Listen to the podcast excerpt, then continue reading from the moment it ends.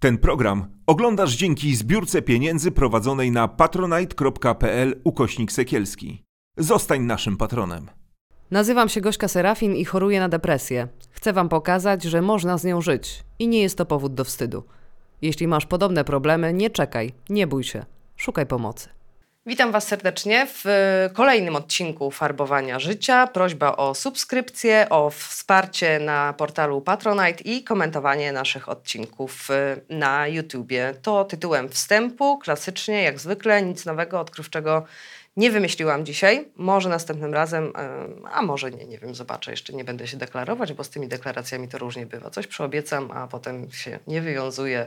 No i głupio jest, bo trzeba zająć stanowisko, są wyrzuty sumienia i tak dalej. Człowiek sam się może nakręcić. Y, dziś gościem farbowania życia Dominika Musiałowska, psychodietetyczka. Dzień dobry. Dzień dobry, cześć, witajcie. Y, o psyche twoim najpierw porozmawiamy, a potem porozmawiamy o tym, co tam ten organizm z naszą głową wspólnie, na spółę, jakie sygnały ostrzegawcze w jakich postaciach mogą nam dawać i dlaczego je tak ignorujemy, bo zazwyczaj je wszystkie ignorujemy.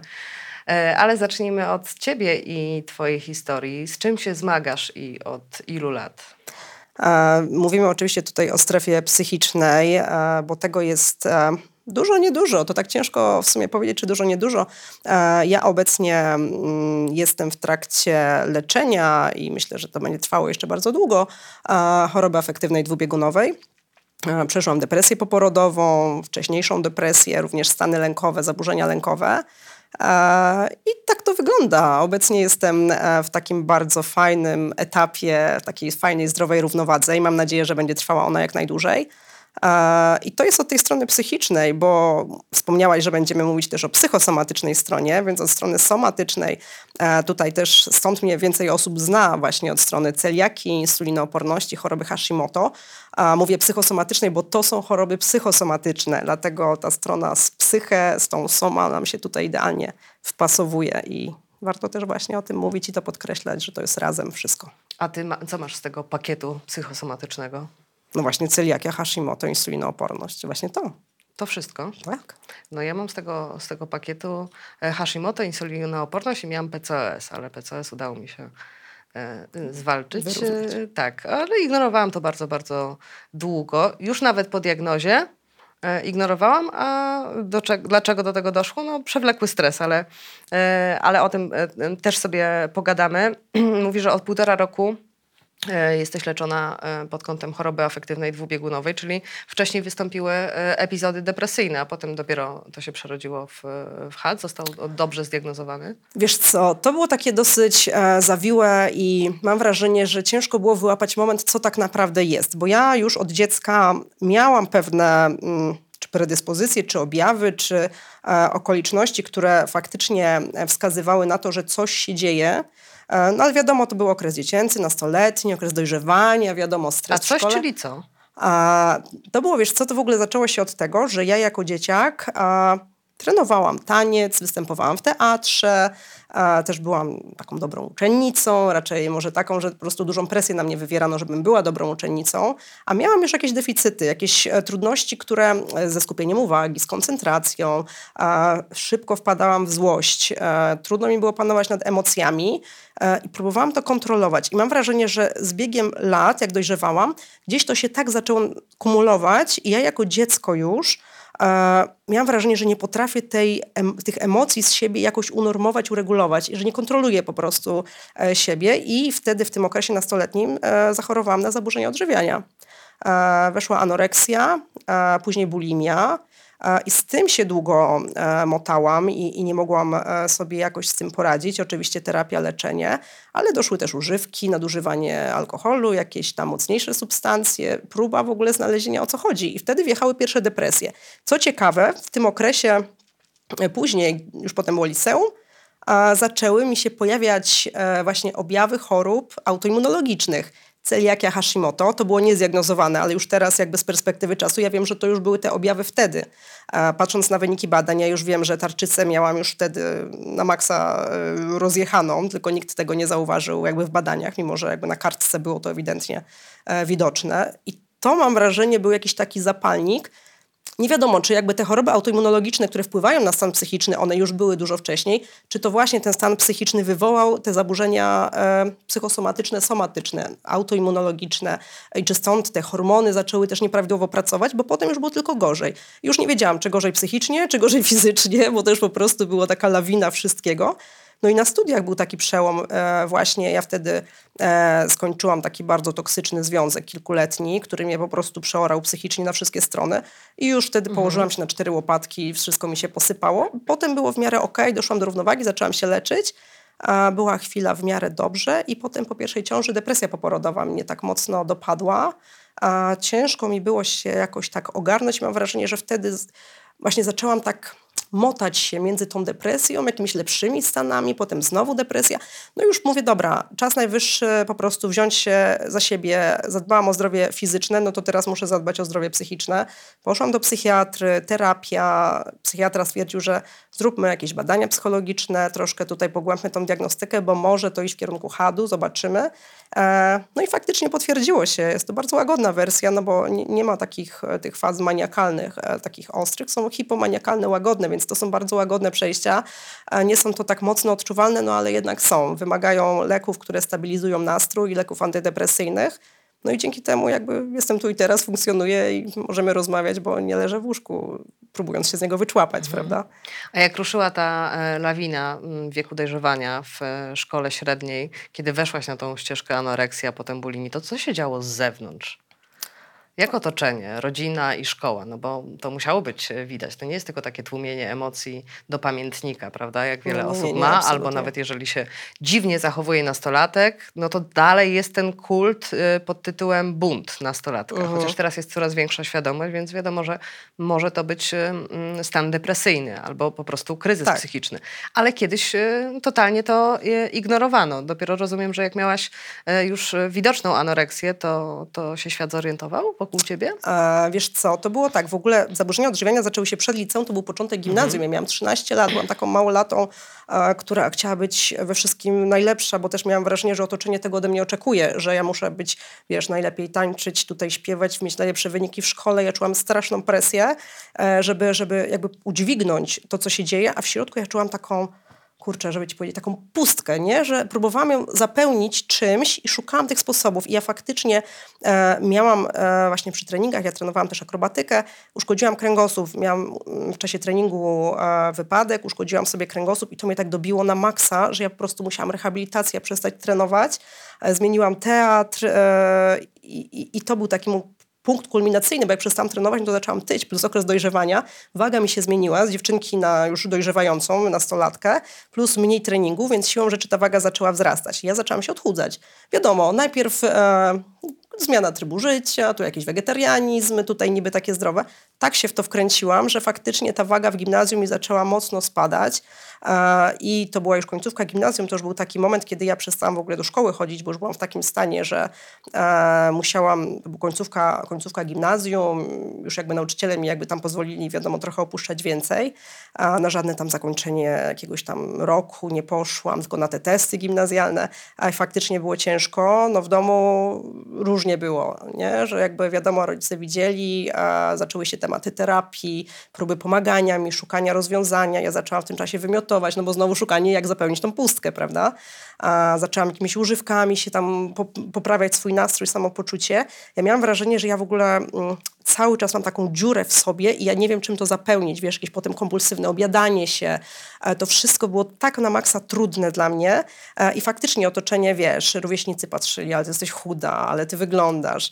E, I to jest też w ogóle ciekawe w anoreksji swoją drogą, że dużo ludzi postrzega anorektyczki, anoreksję czy anorektyków, no bo to też dotyczy mężczyzn i chłopców, że że one jak schudną, to one się pewnie czują takie fajniejsze, lepsze. A to jest w ogóle ciekawe, że im bardziej chudniesz, tym czujesz się coraz gorzej, coraz gorzej wyglądasz, ale jakby w pewnym momencie już nie patrzysz tak stricte na swoje ciało, tylko na to, że takie, masz taką mega wielką pustkę, że razem z tymi kilogramami ucieka taka cząstka ciebie. Czy było ci coraz gorzej? Było coraz gorzej, pojawiły się myśli samobójcze.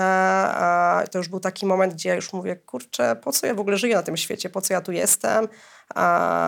Już chyba nic ja nie zaoferuję światu, świat nic mi nie zaoferuje. Wiesz, miałam takie wahania nastroju silne, nawet takie agresywne zachowania.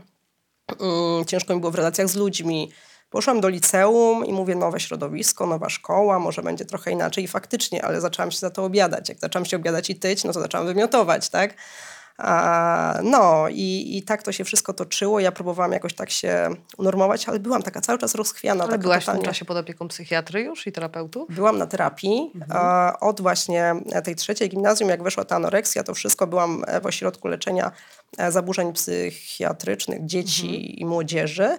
Potem przeszłam na kilkuletnią terapię, właśnie w sumie całe liceum byłam na terapii i to mi mega, mega pomogło. Ja faktycznie skończyłam e, liceum z takim poczuciem, że jest dobrze, że ja teraz już zaczynam, wiesz, e, swoje życie. Ta pustka się skończyła w środku? Nie, Udało ona była odbyć? mniejsza. E, Ona była mniejsza. Ja też myślę, że dojrzałam emocjonalnie do pewnych rzeczy. Ja miałam też taką, jakby to pójście do liceum było dla mnie takim przełomem, że ja chcę wszystko zmienić. Ja się wtedy wyprowadziłam od rodziców. Zaczęłam wynajmować mieszkanie z chłopakiem, a poszłam do pracy jednocześnie tutaj. Już w liceum? Już w liceum. I to był taki... na maksa wcześniej. Na maksa wcześniej, ale ja miałam taką potrzebę, że ja się muszę usamodzielnić, ja muszę sama zacząć pewne rzeczy robić. I to był dla mnie taki moment, ja fakt, że to było no, gówniarą, tak, no ile, 16-17 lat, no to wiesz, co możesz mieć w głowie e, sensownego, ale z drugiej strony jakąś taką potrzebowałam zbudować w sobie dojrzałość, odpowiedzialność za swoje rzeczy. I to też mi terapia pomogła zrozumieć, że musisz wziąć odpowiedzialność za to, co robisz. Albo możesz zjebać sobie życie i po prostu... E, nie wiem, no siedzieć, rozłożyć ręce i nic nie robić, albo możesz faktycznie jakby spróbować to dźwignąć nawet mimo trudności, nawet mimo e, tam kłód pod nogami tej pustki, spróbować znaleźć różne rozwiązania. Będzie kiepsko, no to będzie kiepsko, ale może będzie przez chwilę lepiej, a może będzie gorzej, a może będzie lepiej. Próbować, kombinować i to mi dało taką nie wiem, mam wrażenie moc sprawczą, że jednak kurczę, ja mogę sama o sobie decydować w jakiś sposób i mogę spróbować inaczej. Ciężko ci było zbudować tą zdrową relację e, z jedzeniem, bo w przypadku zaburzeń jedzenia, e, tego rodzaju uzależnień i zaburzeń, to nie jest tak jak w przypadku alkoholu, że odstawiasz na, no, odstawiasz na zawsze, No nie. E, tylko no, musisz przejść na taką racjonalną wersję e, spożywania. To chyba jest bardzo trudne w, w terapii. A, Jest trudne, jest trudne, bo musisz tu najpierw dobrze przepracować, znaleźć przyczynę, skąd to się bierze, dlaczego próbujesz w ten sposób em, uzupełniać pewne braki i co to są za braki, z czego one wynikają. Czy to jest metoda na na przykład na rozładowanie napięcia, które jest, nie wiem, wywołane stresem na przykład, czy, czy lękiem, czy to jest coś, e, nie wiem, właśnie pustka, brak, e, nie wiem, bliskiej osoby, czy nieobecność jakichś osób, samotność. Niektórzy zajadają stres, emocje właśnie, bo czują się samotni bardzo, a niektórzy po prostu, bo są, mają tak silny stres, tak silne napięcie, zaburzenia lękowe, że muszą po prostu to rozładować i to jest takie coś, co im pomaga. Na przykład osoby chorujące na otyłość często mają właśnie zaburzenia odżywiania w postaci kompulsywnego obiadania się, bo w ten sposób próbują zapełnić sobie jakąś pustkę w środku. Często na przykład brak bliskości drugiej osoby, to często są właśnie e, jakieś trudności, zaburzenia z dzieciństwa, molestowanie seksualne na przykład. Jako, No a ty tym em, jedzeniem lub niejedzeniem walczyłaś z tą presją narzuconą, tak? Wydaje mi się, że tak e, i wszystko na to wskazywało. Ja też to przepracowywałam, że to była jakaś presja,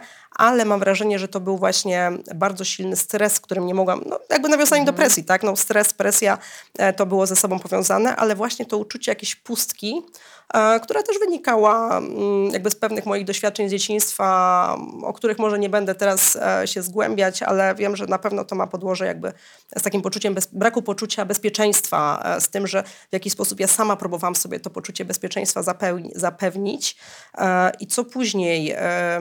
Ja zaczęłam przepracowywać, zaczęłam faktycznie tą zdrową relację z jedzeniem budować i tu weszły tematy somatyczne, bo się okazało, że nie wszystko miało podłoże psychiczne, że ta potrzeba obiadania się, e, taka fiksacja trochę na punkcie jedzenia, wiesz, spadki, bo na przykład w bulimii jest często tak, że e, przychodzi ci napad i aż się trzęsiesz, bo już wiesz, że zbliża się napad obiadania się i już musisz po prostu pochłonąć te ogromne ilości jedzenia po to, żeby poczuć ulgę w postaci wymiotów. I to chodzi o to, wiesz, tak jak na przykład w uzależnieniach jest, wiesz, wchodzi, jesteś na głodzie, nakręcasz się, czujesz napięcie, jakieś tam rzeczy i musisz wziąć substancję, żeby poczuć tą ulgę na chwilę. E, I tak samo jest, niektórzy mówią, że bulimia, na przykład kompulsywne obiadanie się jest powiązane z uzależnieniami. Psychologia mówi tak 50-50, raczej jakby są różne, różne opinie, nie zawsze jest to tak powiązane ze sobą, ale faktycznie to uczucie tego napięcia, żeby to rozładować. E, I jak okazało się, że mam zaburzenia metaboliczne, które mogły wynikać z zaburzeń odżywiania swoją drogą, no bo organizm jest po prostu zajechany. Ileż po anoreksji, można, albo się odchudzamy, albo się E, tak, zgłupiał, no nie? siłą rzeczy, no, z jakichś powodów się te zaburzenia pojawiają, często właśnie w wyniku tej niezdrowej relacji z jedzeniem, jakichś zaburzeń e, związanych z jakąś tam kiepsko, kiepskim odżywianiem. Pojawiła się insulinooporność, spadki cukru, bo miałam silne hipoglikemię. Więc wiesz, spada ci cukier, no to organizm e, ma zwiększone łaknienie na słodycze. W insulinooporności też się pojawia zwiększone łaknienie na właśnie produkty wysokowęglowodanowe. No i co? No i wkurzacie to, bo nie możesz na tym kontrolować, prawda? Więc zaczynasz to jest się takie obiadać. silniejsze, nie? To, Tak. jest, to jest po prostu Taki to, co idzie ze apetyt. środka, jest silniejsze od tego i, i ta złość na siebie od razu Dokładnie, się wkręca. że przecież kurczę, znowu się objadłam, nie Tak. udało mi się tego kontrolować. I jest takie błędne koło. Kwestie somatyczne, bo właśnie na przykład insulinoporność, nie w cukrzycy też jest, jak spada poziom cukru, e, właśnie w hipoglikemii, e, czy właśnie w zaburzeniach hormonalnych, gdzieś ten apetyt jest, ten ośrodek głodu i sytości w mózgu nie pracuje prawidłowo. A z drugiej strony masz tą sferę psychiczną, bo raz, przeszłaś jakieś zaburzenia odżywiania, tak jak, tak jak ja, więc gdzieś tam e, lęk, że to mogło na przykład wrócić, albo że jesteś cały czas w tym procesie zdrowienia jest, a z drugiej strony wkurza cię to, bo że kurczę, znowu nie mogę tego kontrolować, ja próbuję. Nakręcasz się, stresuje cię to, e, demotywuje cię to, bo nie dałam rady znowu, nie? I jesteś w tym błędnym kole odchudzania, diet, tego wszystkiego, ale przyczyna też jest somatyczna wtedy. Zaczynasz się leczyć, zaczynasz brać jakieś leki, e, nie wiem, no, robić badania, kontrolować to wszystko, zmieniasz styl życia, się okazuje, kurczę, e, zastosowałam taką dietę dopasowaną do moich e, zaburzeń zdrowotnych a, i się okazało, że ja już nie mam tych napadów, nie mam takiej silnej potrzeby obiadania się, prawda? A, no, więc jakby mam też dużo pacjentów jako psychodietetyczka, że właśnie są osoby, które mówią wiele lat, tu obiadanie, tutaj nie mogę schudnąć, tutaj jem, nie jem, jem i nie jem. Się okazuje, że jak ja spojrzałam na wyniki badań, mówię, kobieto, idź do lekarza, pokaż te wyniki badań. Wraca do mnie po miesiącu, mówi, o rety, ja faktycznie, tu mam spadki cukru, tutaj zaburzenia hormonalne, tu jakieś tam niedoczynność tarczycy, dostałam leki i czuję się lepiej. I ja teraz mogę pracować nad zdrową relacją z jedzeniem, bo ja już nie mam na przykład takiej silnej potrzeby obiadania się. Jest tutaj jakaś równowaga się pojawia i wtedy już pracujemy na przykład właśnie na nawykach. Czyli to dopiero dużo kiedy w miarę się praca. ustabilizuje tę sytuację, to można podjąć walkę, bo, bo jak jest bałagan, to, to ona jest trochę na próżno. No taka syzyfowa praca, No nie? że, że tak, kręcisz, pewnie. kręcisz do góry tą kulę i tak cię przygniecie, bo wejdzie ten głód albo coś. Mhm. I udało ci się tak na, na trochę wyjść na tą prostą? No tak, pięknie udało mi się. E, Wtedy też zdiagnozowano mi celiakię Mhm. E, i to tutaj był też taki przełom, no bo celiakia mocno spustoszyła mój organizm. E, Celiakia to jest autoimmunologiczna choroba, w której przy spożyciu glutenu wyniszczają się kosmki jelitowe. E, No dochodzi do wygłodzenia organizmu, do wyniszczenia totalnego, więc e, kiedy już czułam się psychicznie dobrze, nagle fizycznie znowu się posypałam. To był taki moment, w którym naprawdę te objawy celiaki to były od migren przez przewlekłe biegunki, przez właśnie spadek masy ciała swoją drogą, gdzie też znowu już nie wiedziałam, jem normalnie, ale znowu chudnę, prawda? I co tutaj nie gra, było naprawdę bardzo kiepsko. Mnóstwo niedoborów, praktycznie wszystkie możliwe niedobory tego świata. Musiałam rzucić studia, rzucić robotę. Ugrzęzłam w małej kawalerce, leżąc po prostu, wiesz, na cztery e, rozłożona i mówię, nie, no ja już umrę chyba po prostu. Już jest dobrze psychicznie, już czuję się naprawdę stabilnie, a teraz fizycznie mój organizm mnie Ale wykańcza. to cię tak zmiotło z planszy, potem psychicznie też? Czy? Zmiotło mnie totalnie. E, Zmiotło mnie totalnie, bo ja nie wiedziałam, co się dzieje. Znowu zaczęło się bieganie od lekarza do lekarza, od lekarza do lekarza. A po naprawdę długiej diagnostyce okazało się, że to jest właśnie celiakia. Ja Przeszłam na dietę bezglutenową i powoli zaczęłam wracać do tej aktywności. Ale to znowu było y, zmiana gwałtowna znowu życia, bo gdzieś tam sobie już skończyłam e, liceum, ułożyłam sobie w głowie, co ja już będę robić w życiu, już znowu tam studia, tutaj jakaś robota fajna. No i znowu musiałam to wszystko rzucić i zacząć od zera pewien etap. Miało to swoje plusy, bo zaczęłam powoli wtedy zajmować się tym, czym się zajmuję teraz, gdzie wyszło to oczywiście finalnie bardzo dobrze i, i kocham swoje życie, jest w ogóle cudownie teraz. W życiu bym nie pomyślała, że będę zajmować się tematem insulinooporności i ogólnie takiej e, zdrowia jakby w tym środowisku medycznym. No, więc jakby są tego dobre efekty, ale przeorało mnie to naprawdę No, solidnie cenę wtedy. wysoką bardzo zapłaciłaś. Tak. E, No ale zdobyłaś ogromne doświadczenie, takie bardzo Mhm. bolesne, ale życiowe ogromne e, doświadczenie. Znaczy ja myślę, że, na, że większość osób, która mm, doświadczyła z różnych jakby dziedzin zdrowia psychicznego czy fizycznego naprawdę dużo, jest w stanie naprawdę bardzo dużo później pomóc innym, bo wiedzą z czym te osoby się zmagają, co mogą czuć, co mogą odczuwać. Myślę, że to też jest takie a, zupełnie inny poziom empatii do drugiego człowieka, kiedy masz świadomość tego, co ten człowiek może przechodzić, bo sama to odczułaś na sobie. Jak ci się objawiła depresja poporodowa i jak to jest e, właśnie z depresją poporodową? Ja na przykład nie mam dziecka, nie miałam depresji poporodowej, ale sama wiem, jak em, byłam w głębokich epizodach depresyjnych, e, to też miałam taką dużą pretensję do siebie. Zanim nie zrozumiałam, że, że to jest choroba, że, że to nie jest moja wina, to miałam bardzo dużą pretensję do siebie, że ja sobie ją wyhodowałam, tą depresję, albo że jakoś inni ogarniają, a ja nie ogarniam. Więc pytanie, jak to jako świeżo upieczona e, matka w depresji poporodowej jeszcze bardziej się biczowałeś, że wszyscy dają radę, a ty nie? Wiesz co, e, ja przez długi czas wypierałam, że to może być właśnie e, problem e, Mhm. A co związany czułaś? z depresją. Proszę? Co czułaś właśnie jak, w trakcie tego wypierania? To było zmęczenie, czy, czy taka niemiłość? Mm, Nie, absolutnie. Właśnie miałam wrażenie, że to była dużo większa miłość, taka właśnie do dziecka, że to mi dawało takie poczucie bezpieczeństwa. Ja już się czułam kiepsko w czasie ciąży. Fakt, że to było dla mnie trudne, jakby też sytuacja życiowa była dosyć skomplikowana wtedy. Ja się przeprowadziłam z Warszawy do Poznania, to były też duże zmiany. Ja w tej ciąży bardzo się źle czułam, często chorowałam, miałam dużo infekcji różnego typu, więc fizycznie się czułam bardzo kiepsko, a że ja zawsze byłam osobą aktywną, zawodowo i tutaj właśnie szczególnie jak odżyłam po tych kilku latach e, chorowania, e, fajnie sobie zaczęłam życie układać. Ja pracowałam wtedy w agencji reklamowej, e, rozwijałam się od strony, też organizowałam jakieś eventy, było taki w ogóle fajny, fajny czas. I E, znowu coś, nie? a tu nagle musiałam trochę ugrzęznąć, wiesz, zaczęłam chorować w ciąży, musiałam znowu zwolnić z aktywnością zawodową i przestać tak tu latać, tam fruwać i, i wszystko po kolei. I nasilał się mój stres, co będzie, jak urodzę dziecko, jak to będzie wyglądało. E, też byliśmy krótko z byłym mężem, byliśmy krótko w związku, więc to też była nowa sytuacja, docieranie się i tak dalej. E, jak urodziłam córkę, e, ja miałam wrażenie, że po tym porodzie ja się wykończyłam, bo raz, że poród był ciężki, długi, męczący, nie spałam całą noc i tak dalej. I potem ja nie spałam kilka dni, no bo to dziecko było ma malutkie, prawda, tu trzeba było wstawać w nocy, było te, ja byłam coraz bardziej zmęczona, zmęczona, zmęczona. A potem, po dwóch tygodniach dowiedziałam się, że moja córka e, zachorowała na cytomegalię wrodzoną. To jest e, wirus, który w ogóle większość z nas mogła przejść w postaci grypy, nawet o tym nie wiedząc. Natomiast jest niebezpieczny dla kobiet w ciąży i dla właśnie dzieci w czasie ciąży. E, może powodować duże niepełnosprawności, duże wady rozwojowe.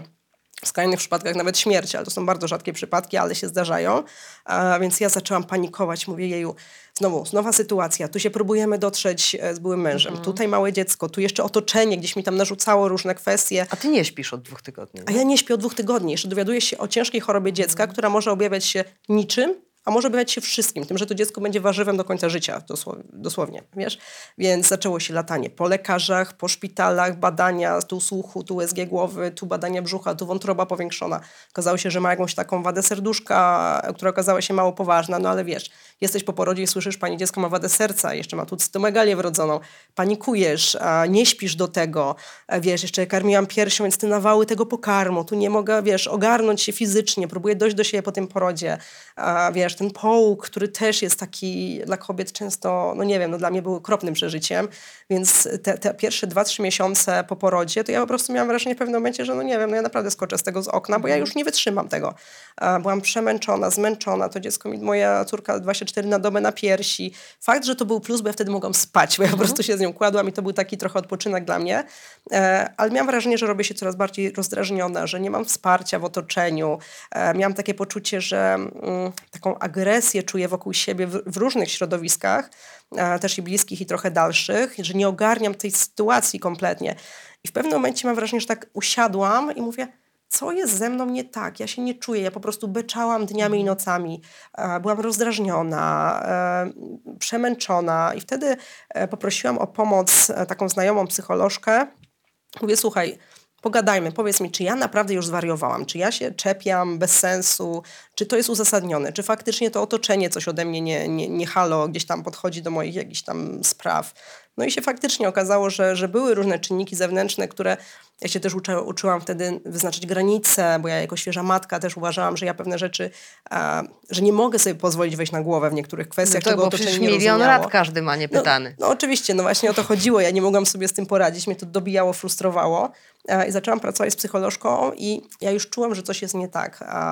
Zaczęłam oczywiście czytać o depresji poporodowej, zresztą w teorii ja wiedziałam dużo na ten temat. I mówię, kurczę, czy to nie jest gdzieś w tym kierunku, nie? I dopiero... Ale czasem chyba długo też kobiety myślą, no to te hormony, nie? które wszyscy wmawiają, że... To wszyscy mówią naokoło, że to hormony, no właśnie też A też sobie tak hormony. mówiłaś, że... Ja no- sobie nie mówiłam, to mi mówili, że, że to hormony, nie? Że a, jak to kobieta w, po porodzie, No tak, matka, no tutaj nie? Że hormony niewyspane, odbija. musisz się przyzwyczaić, ten pierwszy rok będzie trudny, no, potem Poza tym siedzisz w spała. domu, więc jesteś wypoczęta na pewno, nie? Pracujesz, jesteś w domu z dzieckiem na macierzyńskim. Urlop macierzyński masz, tak? Słowo urlop macierzyński jakiś mężczyzna musiał na pewno wymyślić. To jest urlop. No, orka no, więc tak to się macierzyńska. zaczęło, wiesz? I, i po roku e, ja się zdecydowałam, spróbuję sobie tak czasowo to A po roku dopiero Po roku, na cokolwiek się zdecydowałaś? Na ale, co? bo mi mówiono, że ja nie mogę brać żadnych leków przeciwdepresyjnych, jak karmię piersią. A mi zależało, cholernie mi zależało Mhm. na karmieniu piersią. A to był dla mnie taki priorytet, e, wiesz, must have totalnie. E, I ja wtedy słyszałam, że nie ma żadnych leków antydepresyjnych, więc ja mówię, trudno, nie będę brać żadnych leków, nie pójdę nigdzie się leczyć i tak dalej, dopóki będę karmić. Ja chciałam karmić długo. E, I potem poznałam bardzo fajne doradczynie laktacyjne, bardzo fajne położne.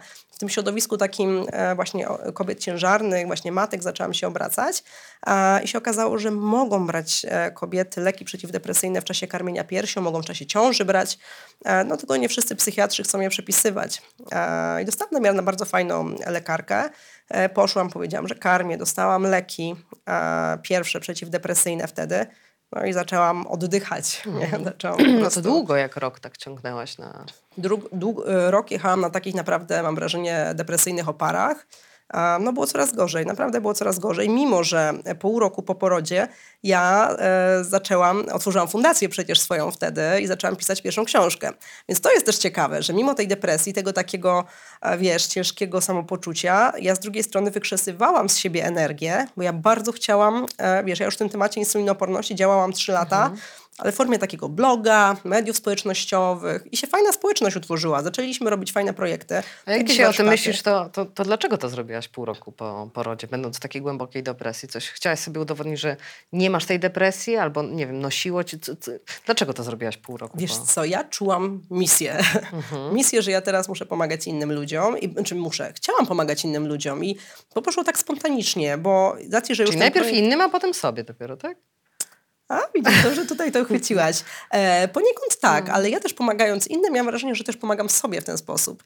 Że rozmawiając z ludźmi, otaczając się, zwłaszcza, że też mnie przygniatało to, że ja, wiesz, siedzę w domu z tym dzieckiem, nie mogę wychodzić, a ja tutaj mogłam coś robić, mogłam trochę pracować, mogłam wrócić trochę do aktywności zawodowej. E, a ten nasz projekt tak bardzo spontanicznie powstawał, bo to nie miał być żadna fundacja. Ja w ogóle przez myśl mi nie przeszło, żebym ja kiedykolwiek jakąś fundację otworzyła, żebym ja miała pomagać jakimś pacjentom, żebym była psychodietetykiem, chociaż ja pracowałam, wiesz, w agencji reklamowej, eventy organizowałam, pracowałam przy koncertach, imprezach. Zupełnie inny świat, prawda?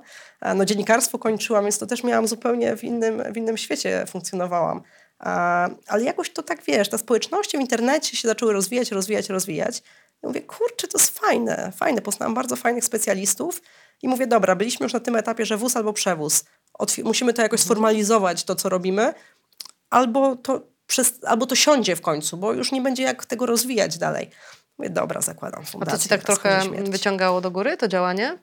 Bardzo mnie wyciągało do góry. Ale, ale potem spadek był bolesny, czy udało ci się ujechać? Bo Wiesz ja na co- przykład takiej głębokiej depresji też potrafiłam czasami tak, ach, dobra, ale potem ten spadek był, o Jezus Maria, podwójny. Różnie było, wiesz. Bywało tak, że faktycznie ten spadek był taki, pff, wiesz, roztrzaskało ci głowę o chodnik. A czasami było tak, że czułam takie spadki i wtedy spadałam. I właśnie ja miałam wrażenie, że wtedy mi się ten HD zaczął trochę e, pojawiać, mimo że brałam właśnie leki przeciwdepresyjne cały czas. To były te wahania w pewnym No momencie. tak, bo skąd mieć energię y, na, na taką pracę? Nie? Dokładnie. E, I to było dosyć ciekawe właśnie. Ja też to obserwowałam później, że miałam takie właśnie zwyżki. Wiesz, pisałam książkę wtedy, e, organizowałam warsztaty, e, konferencje. No miało to swoje plusy, no bo to faktycznie się ekstra rozwinęło, ale potem był taki moment, mówię, kurde, już nie dam rady. A usiadłam, wiesz, miałam, jeszcze wiesz, siedziałam właśnie w domu z dzieckiem.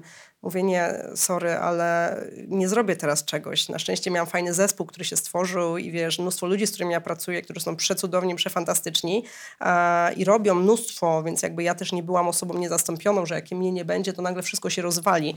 A więc miałam też ten komfort taki, że okej, czuję się gorzej, wiem, że są osoby, które e, poradzą sobie beze mnie. E, Natomiast faktycznie były to takie momenty, że kilka tygodni mówię, nie dam rady, nie dam rady, nie dam rady. Czekałam, aż się poczuję lepiej. No i nagle jest, okej, dobra, znowu pomysł taki, taki, taki, Czyli taki, już ruszamy wtedy ten projekty. chat się pojawił po pierwszej ciąży. Tak, tak. Ja mam wrażenie, że, że to wtedy już zaczynało mieć miejsce, że były, wiesz, nagle rzucałam się na tysiąc projektów, rozwijałam, rozwijałam. Bo w super one depresji nie, nie ma na to nie ma, nie ma na to przestrzeni. Nie ma na to przestrzeni. No i potem znowu spadek, wiesz, ja to tłumaczyłam, nie wiem, depresja sezonowa mi się włączyła, wiesz, jesień, zima, każdy się czuje beznadziejnie. Ale było to. No i później druga ciąża, Po jakim czasie? Jaki jest, e, Mm, druga ciąża po dwóch latach. E, różnica między dziewczynami jest 2 lata 8 miesięcy, no więc tam po dwóch latach faktycznie ciąża. I ja wpadłam w panikę. Słuchaj, miałam takie ataki paniki w drugiej ciąży, bo ja jakby wracałam do tych tematów zdrowotnych pierwszej córki i tej ciąży, że ja mówię, znowu jakąś chorobę przekażę. Na szczęście starsza córka jest teraz w ogóle super fajnym sześciolatkiem, zdrowa. E, Ta choroba tak naprawdę łagodnie ją e, potraktowała, więc nic tam się na szczęście nie stało, ale dla mnie to była taka trauma, takie przeżycie e, bardzo trudne i głębokie, że ja w pewnym momencie poczułam, że kurczę, ja to przechodzę na nowo, wiesz, i po prostu miałam takie ataki paniki. Dostałam e, bardzo silne leki uspokajające na drugą w drugiej ciąży. Skończyło się cesarką, bo ja powiedziałam, że ja nie przejdę drugi raz tego porodu.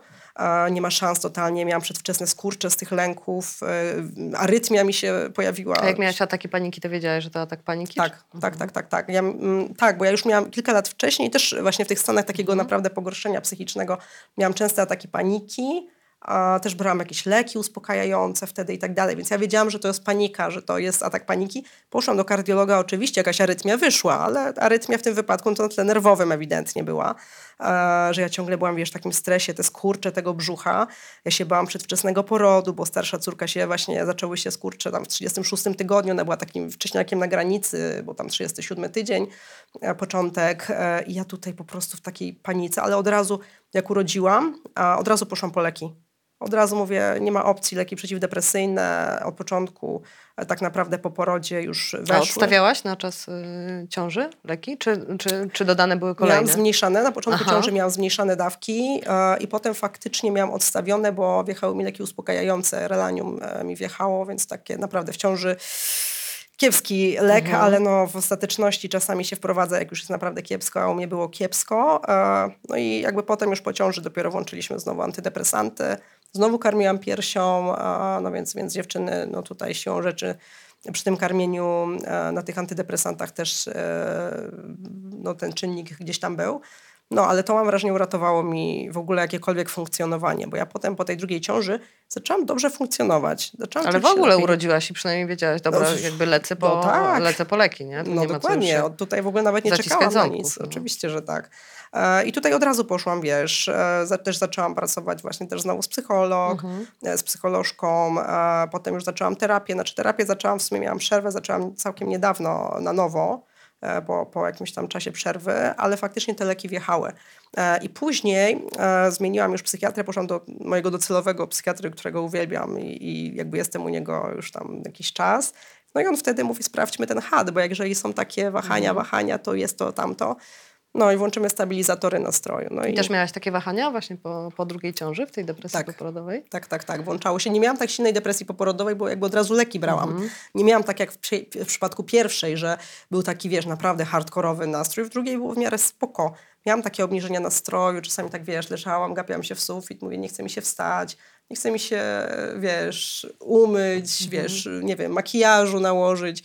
Jak wychodzę z domu, śmieci wyrzucić, to w takim, wiesz, dresie, ledwo człapiąc się, taki spowolniony ruch, takie miałam wrażenie, że wszystko jest takie dla mnie trudne, a to jeszcze się nałożyło, bo była pandemia, która też nas wszystkich tam przeorała, wiadomo.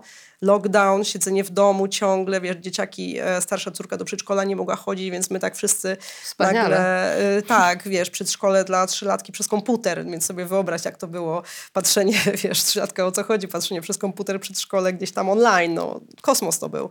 E, dla wszystkich, też, wiesz, ten stres mimo wszystko się nasilał, bo początek pandemii też nikt nie wiedział, jak to będzie wyglądało, wszystko pozamykane, więc ja mówię, dobra, ogarnij się, trzeba po prostu to wszystko jakoś zebrać do kupy. E, No, więc dlatego potem już mówię, le- muszę iść do psychiatry, bo widzę, że e, bez tego nie da rady i on, mówię, włączył mi te stabilizatory, też antydepresanty, one były w s- łagodnej dawce, potem były na chwilę odstawiane, były tylko stabilizatory i tak wahadłowo. Jak się jest spadek, no to włączamy antydepresanty, ale te stabilizatory są cały czas, cudownie jest, no po prostu jest cudownie i od tego czasu mam wrażenie, że naprawdę super funkcjonuje i też dużo rzeczy przepracowałam przede wszystkim. A co było takie najtrudniejsze dla ciebie do przepracowania? W sensie miałaś, miałaś coś takiego jak idę na terapię w konkretnym celu, czy po prostu idę o Jezus Maria? Bo ja Zależy na, na którą terapię, Słuchaj, ja o której tak terapii kiedyś, mówimy. Ja miałam kiedyś tak, że i, po prostu idę o Jezus Maria, a na drugiej terapii usłyszałam, że jaki jest cel terapii? I weź go, wy, w ogóle ile ja się tam napociłam, nagłowiłam, no ale znalazłam ten cel terapii i wydaje mi się, że jakoś tam y, udaje mi się e, go realizować, bo już jestem po terapii grupowej, ale, mm, no, ale to wcale nie jest proste. Taki, e, jak, jak w takiej dupie idziesz na terapię, to no, no jaki cel? Nie wiem, no, żyć, prze... w ogóle zróbcie coś ze mną. Bo Wy. chcę żyć, to jest tak. terapii, no. bo chcę żyć. Depresji. W depresji często to jest właśnie cel, którego ludzie boją się powiedzieć, bo chcę żyć. Depresja jest chorobą śmiertelną. A ludzie, którzy nie leczą depresji w żaden sposób, bardzo często kończą samobójstwem. Też o tym trzeba mówić głośno, bo jakby samobójstwo samo w sobie też jest słowem, które ludzie boją się wymówić. To słowo na S, prawda? I tak.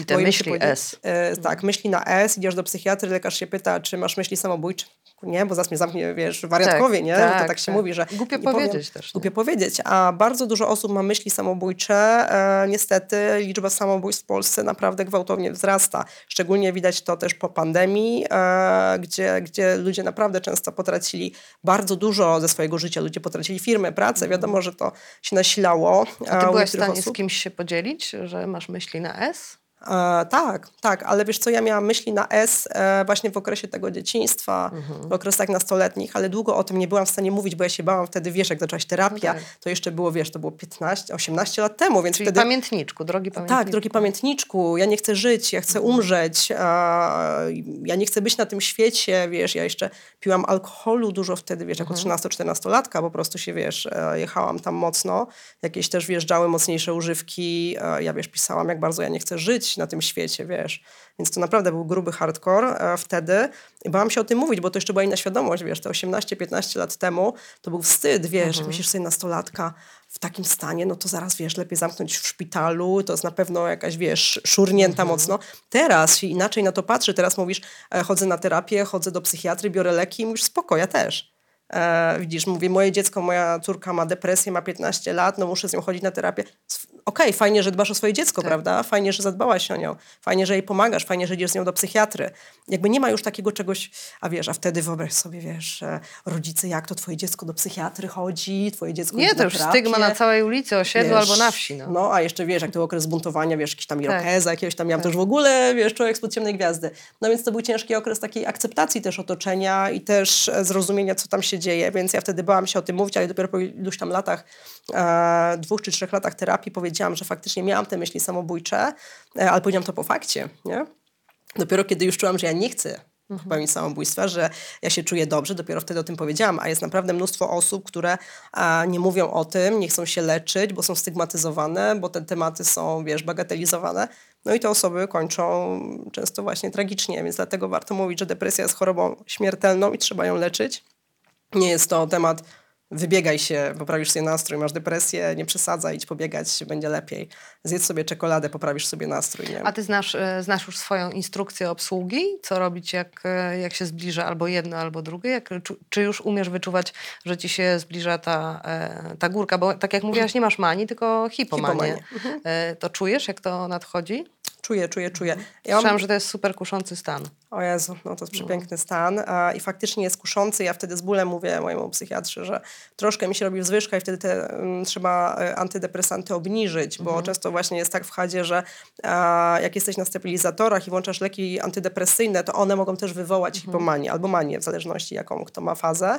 A, ja wtedy idę i tak no niestety czuję się troszkę za dobrze, musimy zmniejszyć, no i tak cierpię, bo tak, wiesz... Ciężko jest e... powstrzymać to, że czujesz się, że wiesz, że nie, czułabyś znaczy, się jest, super? wiesz, ja jestem... Znaczy jak jesteś już świadoma, nie? Jestem świadoma, okay. wiesz, ja pracuję też, e, studiuję psychologię teraz, e, jestem jako psychodiete, pracuję jako psychodietetyczka i tak dalej, więc ja jestem bardzo świadoma, ja też mówię, swoje przepracowałam, swoje przeszłam, e, więc jakby wiem, że na tym etapie mogę tylko sobie zaszkodzić w ten sposób, że to nie przyniesie nic dobrego, wręcz przeciwnie. A, więc wiesz, z jednej strony jest to kuszące, bo fajnie być na takim ciągle, wiesz, powerze i ciągle tam coś robić, ale z drugiej strony ja też wiem, że to jest uciążliwe dla mnie, bo to ile możesz ciągle na takim, wiesz, speedzie po prostu jechać, a, więc ja wiem, że to po prostu trzeba te leki unormować. Jak jest dobrze, to jest dobrze i tego się trzymajmy. E, jak jest spadek, no to wtedy po prostu włączamy, nie wiem, czy większą dawkę antydepresantów, czy po prostu je włączamy, jeżeli był okres, że ich nie brałam na przykład. E, więc to tutaj już lekarz decyduje, jak to do siebie ładnie dopasować. Jest to kuszące. Znam kilka osób z hadem, które wręcz Właśnie czekają wtedy, na tak, te i wtedy manie, przestają brać? A, dokładnie. I, I to jest niestety bardzo duży problem. I, I no mówię, no każdy pacjent powinien świadomie też podchodzić do tego, z czym się zmaga i jakie konsekwencje mogą wynikać z tego wszystkiego. Więc ja myślę, że teraz ja jestem, mówię, jestem świadoma, też widzę, kiedy mam spadki, kiedy to z czego wynika. A, przepracowuję to wszystko na bieżąco. Wiesz, ja też miałam zeszły rok dosyć, e, dosyć ciężki, bo miałam jedną przeprowadzkę, potem rozwód, e, przeprowadzkę drugą, dzieci w opiece naprzemiennej teraz od kilku miesięcy, e, e, teraz nowy partner, który też ma dzieci, wiesz, i to jest takie też znowu duże zawirowania, więc ja szczególnie jestem uważna teraz na swoje potrzeby, na to, co się dzieje w moim życiu, gdzie ja jestem i też, żeby móc o siebie zadbać. I w końcu, to też zeszły rok był hardkorowy, znaczy nie super hardkorowy, ale trudny, e, natomiast to był przełom dla mnie, że ja wtedy skupiłam się na sobie w końcu. No brawa, wielkie brawa, cała Dziękuję, publiczność dziękuję. tutaj tak? I jak, a, a jak to ci się przejawia, że skupiłaś się na sobie? Wiesz co, przestałam e, skupiać się na tym, żeby zadowalać innych. Mówię, trudno. E, tak jak nawet w kontekście dzieci. Szczęśliwa matka to szczęśliwe dzieci, więc ja nie mogę się poświęcać ze wszystkim. Ja muszę zadbać o swoje życie. Ja miałam też poczucie takie, to też jest e, w temacie depresji poporodowej u wielu kobiet e, i kobiety boją się o tym powiedzieć, żeby nikt nie powiedział, że wyrodne matki, ale macierzyństwo często bardzo zabiera twoje dawne życie. I matki często boją się powiedzieć o tym, że okej, no kochasz swoje dzieci, oczywiście, że kochasz swoje dzieci, ale macierzyństwo często pozbawia cię jakiejś cząstki ciebie, tak? E, często musisz zmienić swoje życie, nie wiem, tak jak ja.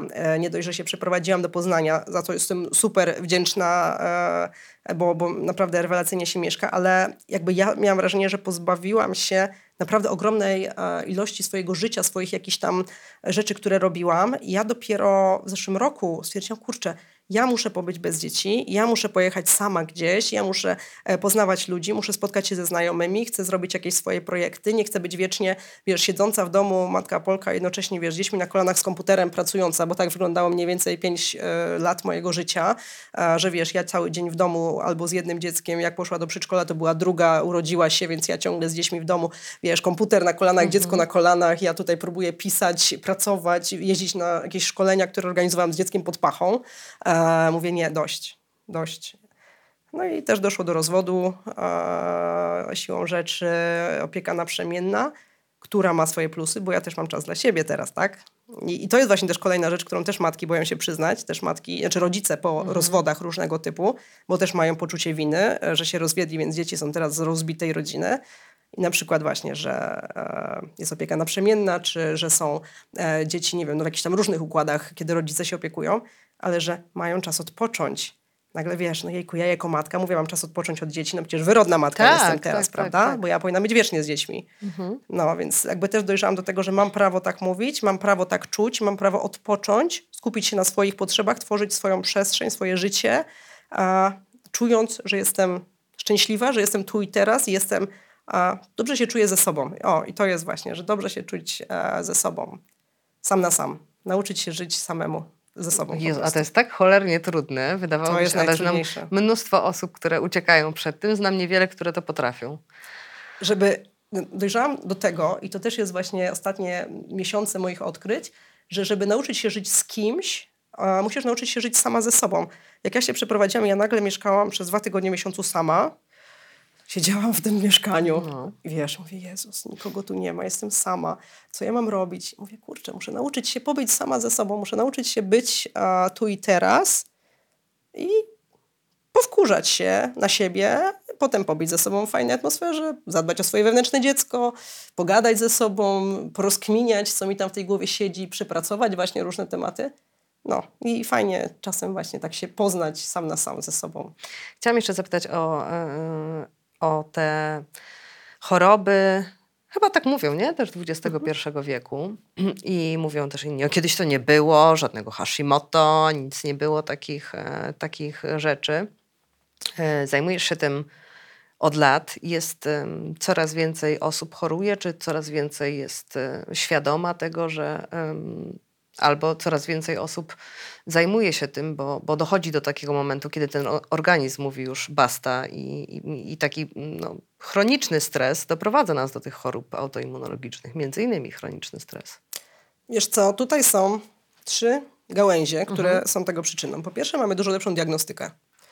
Siłą rzeczy zwiększyła się świadomość tej choroby, e, wiemy więcej, więc i lekarze częściej diagnozują, bo też, e, wiesz, dużo się mówi też właśnie w internecie, w mediach, e, pewne choroby stały się może bardziej popularne medialnie, więc jakby siłą rzeczy lekarze zostali poniekąd też trochę zmuszeni do tego, żeby bardziej się na tym skupić, ale też zwiększyła się ilość w środowiskach naukowych, wiesz, badań na ten temat, diagnostyki i tak dalej, więc jakby jest jedna część, że ludzie zaczęli być lepiej diagnozowani, ale druga część, ludzie zaczęli być bardziej świadomi właśnie tego, co może im dolegać i wiedzą, że jeżeli ja jestem 24 na dobę zmęczona, ledwo wstaję, e, wiesz, wypadają mi włosy ciągle, nie wiem, skóra mi pęka, no to niekoniecznie to musi być taka moja uroda, tylko może pójdę do lekarza, niech mi powie, co z tym się dzieje, prawda, że może to być kwestia na przykład, nie wiem, tarczycy, e, czy nie wiem, właśnie jakichś problemów z cukrem przykładowo, nie wiem, mam, robią mi się ciągle rany na stopach jakieś brzydkie, kurczę, może pójdę do lekarza, ojejku, ma pani cukrzycę na przykład, prawda, więc ludzie zaczęli częściej chodzić do lekarza, częściej się badać, lekarze zaczęli częściej diagnozować, ale trzecia rzecz, no niestety styl życia mamy jaki mamy, jest coraz e, często można powiedzieć, czy gorszy. Z jednej strony można powiedzieć, że ten styl życia e, Poziom konsumpcyjny... życia jest lepszy, a styl życia jest gorszy. Tak, mniejsza aktywność fizyczna przede wszystkim. Mamy dużo udogodnień. E, wiesz, tu podjedziesz samochodem, tutaj masz nawet w domu, już nie jedziesz odkurzaczem, tylko masz robota, który ci zasuwa po mieszkaniu i sam ci odkurza przecież, prawda? Więc jest dużo udogodnień. Druga rzecz, że wiesz... Chociaż teraz przy tej inflacji to ciężko mówić, że lepiej nam finansowo się żyje, No nie, ale nie, nie. więc może chwilowo nie, ale ogólnie można powiedzieć, że też wiesz, zaczęliśmy trochę więcej zarabiać, więc jedzenie na mieście, Tak. więcej jedzenia, większe zakupy, e, po prostu jemy więcej, mniej się ruszamy. To jest jedna rzecz, która wpływa gdzieś i na przyrost masy ciała, w wyniku też właśnie na wpływ e, zdrowia, w sensie na zdrowie e, masy ciała. I kolejna rzecz, stres. No i to nas wykańcza. Żyjemy w pędzie, w biegu, nie wysypiamy się, brak snu, stres, a wiesz, właśnie to, że nie dbamy o własne potrzeby, żyjemy często właśnie w jakichś toksycznych związkach, w jakichś dziwnych relacjach, zawodowo jesteśmy w jakimś takim, wiesz, e, chaosie, czy, czy relacje zawodowe są kiepskie, czy my, wiesz, zarywamy nocki, bo ciągle pracujemy. To wszystko się ze sobą masakrycznie nakłada. Dołóż do tego jeszcze, wiesz, wieczorne drinkowanie, e, gdzie alkohol też wpływa na, na organizm e, negatywnie i masz takie błędne koło. Kiepska dieta, mało ruchu, mega stres, zerwane nocki, e, plus jakieś czynniki genetyczne, zewnętrzne, do tego zawsze, wiesz, zawsze coś tam dochodzi do tego, prawda? E, jest to zawsze mniejsze, prawdopodobie, mniejsze, mniejsze prawdopodobieństwo, no ale jakieś tam u niektórych osób jest. Tylko wiesz, jak masz obciążenia genetyczne, nie wiem, predyspozycje genetyczne do Hashimoto, e, to nie jest powiedziane, że zachorujesz na Hashimoto, no bo to jakiś czynnik zewnętrzny musi tą chorobę wywołać. Na przykład właśnie stres, przewlekły stres, nagły stres, gwałtowny stres, e, na przykład ciąża też przecież, bo to jest e, silny stres dla organizmu, tak? My patrzymy niekoniecznie na ten stres, że wiesz, stresujesz się, bo zaraz masz rozmowę o pracy i cię tutaj, wiesz, dygocze, tylko właśnie stres organizmu to jest ten stres taki fizjologiczny, który naturalnie się pojawia, ale jak jest gwałtowny, przewlekły, właśnie przewlekły, trwa długo, no to jest wyniszczający dla naszego organizmu, no bo ile czasu możesz na takiej pędzącej maszynie jechać, nie? Po prostu wyzioniesz ducha rączkę momencie. 10 lat. Wiesz, ale po 10 latach już siadłaś, nie? No siadłam i wiesz, z tymi chorobami autoimmunologicznymi jest tak, że to nie jest tak, że się budzisz i o Jezu, bolą mnie plecy albo stopa, wiesz, że to, jakby to nie boli natychmiast, nie? No nie, Więc nie. tak chodzisz, chodzisz i w zasadzie okej, no jestem zmęczona, bo, bo nie wiem co, no tu się wyśpię, tu odeśpię. To nie są jakieś takie no bóle, tak? Ty się nie skaleczysz, nie masz wysypki. No, no nie jest to takie, że okej, w poniedziałek obudziłam się z wysypką, no to dobra, to, to idę do To lekarza. wiesz, że coś nie? jest, nie? Tak. Że masz bąble Tylko na... chodzisz, chodzisz dosyć długo. No, na przykład mi no, na twarzy wyszło, nie? Dopiero. E, I to okazało się, że wiesz, choroby, które tak e, okej, u mnie w rodzinie wszystkie kobiety miały mm, problemy z tarczycą, a ja nie. Mhm. E, Babcie miały cukrzycę, a ja byłam wiecznie chuda. I tak z takim stereotypem żyłam. Poszłam do lekarza, okazało się, że tak, że jakby mam insulinooporność i, i Hashimoto, bo przewle- i, i lekarz pyta, czym się pani zajmuje? Ja mówię, a właśnie zmieniłam zawód, odeszłam z telewizji. Aha. I mówię, i I już nie brawo. mam stresu. No. No a organizm tak reaguje, widzisz, nie? Że nie po tym stresu. stresie on dopiero Tak. wywala to wszystko. Tak, nie? bo jak jedziesz właśnie na tym podwyższonym stresie, to masz, wiesz, motywację, jedziesz, jesteś Mhm. nakręcona i właśnie co się dzieje szczególnie, w którym momencie to się dzieje, kiedy odchodzi ci stres i, Tak. i organizm nagle spuszcza bańkę. To jest tak jak u mnie było. Ja też żyłam, mówię, no, w toksycznym związku kilka lat, więc ja jechałam na takim, wiesz, napięciu, było w miarę dobrze, tak, ja czułam, okej, tam zmęczenie, jakieś bóle głowy, migreny. Nieszczęście, ale, E, ale tak, się czuje, ale ja dobra, czułam, jedziesz, że ja wiesz, no. Jadę, jadę, ale potem jak ja się uwolniłam z tego wszystkiego, to ja po prostu pach, wiesz, włosy Tak. to mi garściami leciały, ja dywan włosów za sobą zostawiałam, skóra mi zaczęła pękać, dosłownie, słuchaj, no ja po prostu wyglądałam jak, e, nie wiem, no jakby mówię, z grobów Mhm. wstała dopiero, e, totalnie, wiesz, wyniszczona, wiesz, ten organizm zaczął właśnie Hashimoto zaczęło mi zasuwać, ta tarczyca mi totalnie się rozjechała, celiakia mi wyszła i to w momencie, kiedy, można powiedzieć, poczułam spokój, nie? Kiedy pozbyłam się stresu. Bo dopiero wtedy ci puszcza dętka. Ten organizm dopiero mówi koniec przewlekłego stresu. Pff, teraz zobacz, jak mnie rozjechałaś. No, ja, ja miałam takie sytuacje, ale w ogóle, wiesz, nawet pół tam światełka mi się żadnego nie zapaliło, że jak miałam, nie wiem, trzy dni wolne, no to natychmiast byłam przeziębiona albo coś. Tak, odporność Nie, leci. dobra, nie, nie, nie, No, no, nie, no, nie. no, No, no. no i jechałam.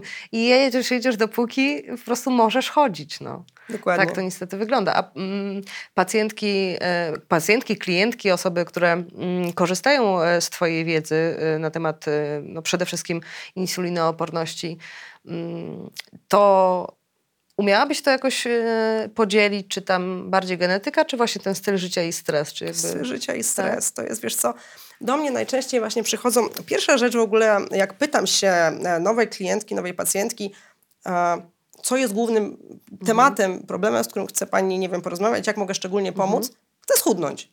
Klasyka, 90% Mhm. No tak, chce schudnąć. okej.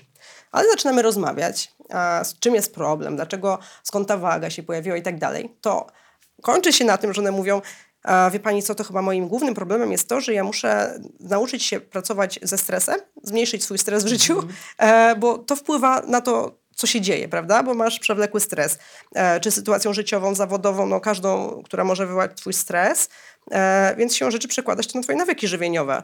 Zajadam stres, zajadam emocje, e, nie kontroluję tego, co jem, bo wiesz, tu na szybko, tam szybko. Mam, nie mam czasu zjeść, nie mam regularnego jedzenia, e, więc przekłada się to oczywiście na nawyki żywieniowe, na wzrost masy ciała. Jestem zestresowana, nie mam czasu na aktywność, nie mam czasu pójść sobie, nie wiem, na spacer pobiegać, nie wiem, popływać na basenie i tak dalej. Do tego żyję w stresie, kiepsko śpię. I nagle się okazuje, że to nie, my nie będziemy pracować na tym, żeby fajnie ułożyć pani dietę, żeby pani na śniadanie jadła to, na obiad to, na kolację to, bo to jest tak naprawdę najmniejszy problem, co pani będzie jadła na obiad, śniadanie, kolację. Głównym problemem jest to, że pani się tak stresuje, ma taki tryb życia, że pani nie jest w stanie tym jedzeniem zapanować. Nie jest w stanie pani się dobrze wyspać. Nie jest w stanie pani pójść na spokoju, w spokoju się, wiesz, wychillować na jakimś spacerze, pobiegać sobie, bo to jest niepotrzebny stres. dodatkowy stres Ale wtedy. może być też chyba, a, tak, tak mi się wydaje i, i dlatego pytam eksperta, że okej, może być ktoś, kto e, mówi ci, e, nie mogę schudnąć, a Mhm. nie wiem, stosuję, albo jestem tam na pudełkach, ale, albo stosuję super dietę i, i naprawdę on też na przykład chodzi na siłkę, albo ona. A tak, tak, tak. I robi tak, jasne. wszystko, ale organizm i tak mówi nie. Bo tam będzie po prostu tak gigantyczny stres. Ja pamiętam, jak e, ja chodziłam na siłownię, której po prostu nienawidziłam. Nienawidziłam e, i, i, i tam nic mi się nie udało. Zaczęłam, nie wiem, spacerować, jeździć rowerem i to było przyjemne i schudłam. Bo No po prostu byłam tak wkurzona, jak mam, miałam iść na tą siłkę. Tak mnie wszyscy tam irytowali i wszystko, No. i ta powtarzalność, i ta nuda. No to możesz się tak spiąć od środka, że Wiesz, to się tak przykłada. E, Jakby dietetyka, fizyka, medycyna mówią, że jeżeli nie jesteś na ujemnym bilansie energetycznym, to chodzisz ciała, to nie schudniesz, że możesz, wiesz, tak jak niektórzy mówią, że w insulinoporności ty jesz z powietrza, że e, faktycznie nie można schudnąć. Są te zawirowania metaboliczne i tak dalej, natomiast faktycznie, no jednak wiesz, wyżej, wyżej tyłka nie podskoczysz, ujemny bilans jest potrzebny, tylko że właśnie to, o czym mówisz, jesteś w stresie i to się przekłada na, między innymi na twoją na przykład e, spontaniczną aktywność fizyczną poza tematami treningowymi, czyli poza tą siłownią. Jeżeli jesteś wkurzona, zestresowana i tak dalej, no to jesteś mniej w ruchu, jesteś mniej aktywna, wiesz. Nie chce ci się, wiesz, łazić dużo, em, nie chce ci się, nie wiem, nawet iść do sklepu za bardzo, wolisz sobie podjechać szybko, e, wiesz, w domu siedzisz, jesteś taka, wiesz, mniej ene- energiczna, bardziej zmęczona, wiesz, czasami podświadomie gdzieś tam coś nieświadomie podjadasz, e, wiesz, nawet to są czasami drobne ilości, nie wiem, robisz sobie, coś sobie smażysz na patelni, sobie chluśniesz tym olejem, wydaje ci się, że mało zjadłeś mały obiad, no ale chlusnęłaś tym olejem, który ma dużo tłuszczu i ta kaloryczność jest większa. Czasami nie jesteśmy świadomi nawet, ile tych kalorii tak naprawdę jest na tym talerzu, bo wiesz, na oko sobie sypniesz pestki dyni, słonecznika, no zdrowe, zdrowe, prawda? Tak. No ale kalorii mają dużo. Orzechy sobie tam, wiesz, wrąbiesz całe opakowanie, zdrowe, zdrowe, no na mózg super wpływają, no ale jednak kalorii mają Ale dużo. takie fiksacje na e, co do grama, co do kalorii też, też mogą źle wpłynąć chyba, nie? To też zdecydowanie, wiesz, no zdrowa równowaga, Tak. właśnie, to zdrowa równowaga Znaczy, bo można wszystkim. się tak zaekselować, zatabelkować i pisać każdą kalorię. To też można. I to, to jest stres. No to jak jest się stres. No. I widzisz, i to jest znowu terapia, psychoterapia. To jest w ogóle, to też tak. ja swoim e, pacjentkom często powtarzam, że równolegle leczenie, nawet psychoterapia, żeby znaleźć tą zdrową równowagę, żeby tak, nie fiksować się na jedzeniu, właśnie mierzeniu tabelki, kalorie, indeks glikemiczny, wiesz, czu, czu, czu, ale z drugiej strony też mieć świadomość tego, że e, jak żyję pod wpływem stresu, to ja pewnych rzeczy też mogę nie kontrolować, że to też może wpływać negatywnie na ten mój styl życia, że ja mogę dokonywać gorszych wyborów żywieniowych, czy mieć, być mniej aktywna, na przykład fizycznie, gorzej spać, a sen się mega przekłada też na naszą masę ciała. Sens na, się przekłada na maksa na metabolizm. na nie? metabolizm, dokładnie. Osoby, które e, pracują w trybie zmianowym na przykład, albo które No, to jest mają trudne. bezsenność, e, cierpią na bezsenność, e, kiepsko sypiają. Raz, że mają większy apetyt, więc siłą rzeczy więcej jedzą. Inaczej A- trawią też. Inaczej chyba, tak, metabolizm jest tak zaburzony, zresztą badania e, wyraźnie pokazują, że właśnie osoby, które mają zaburzenia snu, które pracują w trybach zmianowych, mają większe ryzyko chorób serca, cukrzycy, insulinoporności, otyłości i tak dalej. E, No więc jest to ewidentnie tam się dzieją, bo to też chodzi o zaburzenia ośrodka głodu i sytości, wydzielanie leptyny, greliny i tych wszystkich hormonów. Melatonina jest zaburzona, to też znowu wpływa na wszystkie procesy. Więc sen i to taki naprawdę na maksa efektywny sen, przygotowanie sypialni. Wiesz, to czasami są takie właśnie drobne rzeczy. Niektórzy mówią, że muszą, żeby wyzdrowieć, muszą zrobić mega wielką rewolucję, muszą wszystko zmienić i tak dalej. Czasami to są drobne, małe rzeczy, nawet w kontekście snu. Słuchaj, wywal telewizor ze swojej sypialni, niech ona służy tylko do Tak. Nie spania i do seksu i pobudzających koniec. rzeczy, nie? Tak, No. dokładnie. Nie wiem, godzinę przed snem przynajmniej przestań gapić się w telefon, komputer, oglądać sobie jakieś tam rzeczy. Czasami jest to fajne, relaksujące, jakby też bez skrajności, ale wiadomo, że to światło niebieskie Tak. e, z tych e, urządzeń elektronicznych, no one jednak zaburza wydzielanie melatoniny, więc ten sen jest mniej efektywny. Dobrze wywietrzyć sypialni, niech będzie takie pełne zaciemnienie, bo wiesz, tu lampka, tam coś tam.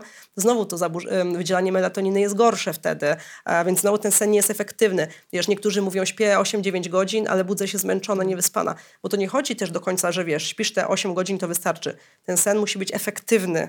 O to chodzi, żeby on był, wiesz, te wszystkie fazy snu były prawidłowe. Ale bardzo ignorujemy chyba tą higienę snu, nie? Bardzo. Jako ten. Ja mm, wiele razy, wiele, wiele razy, a nie wiele lat, bo e, lat to niewiele, ale wiele razy leczyłam się na bezsenność. Mhm. E, no i jakby no nie przechytrzysz tego. Możesz być większym cwaniakiem, ale dopiero jak to uregulujesz, e, to reguluje się wszystko, nie?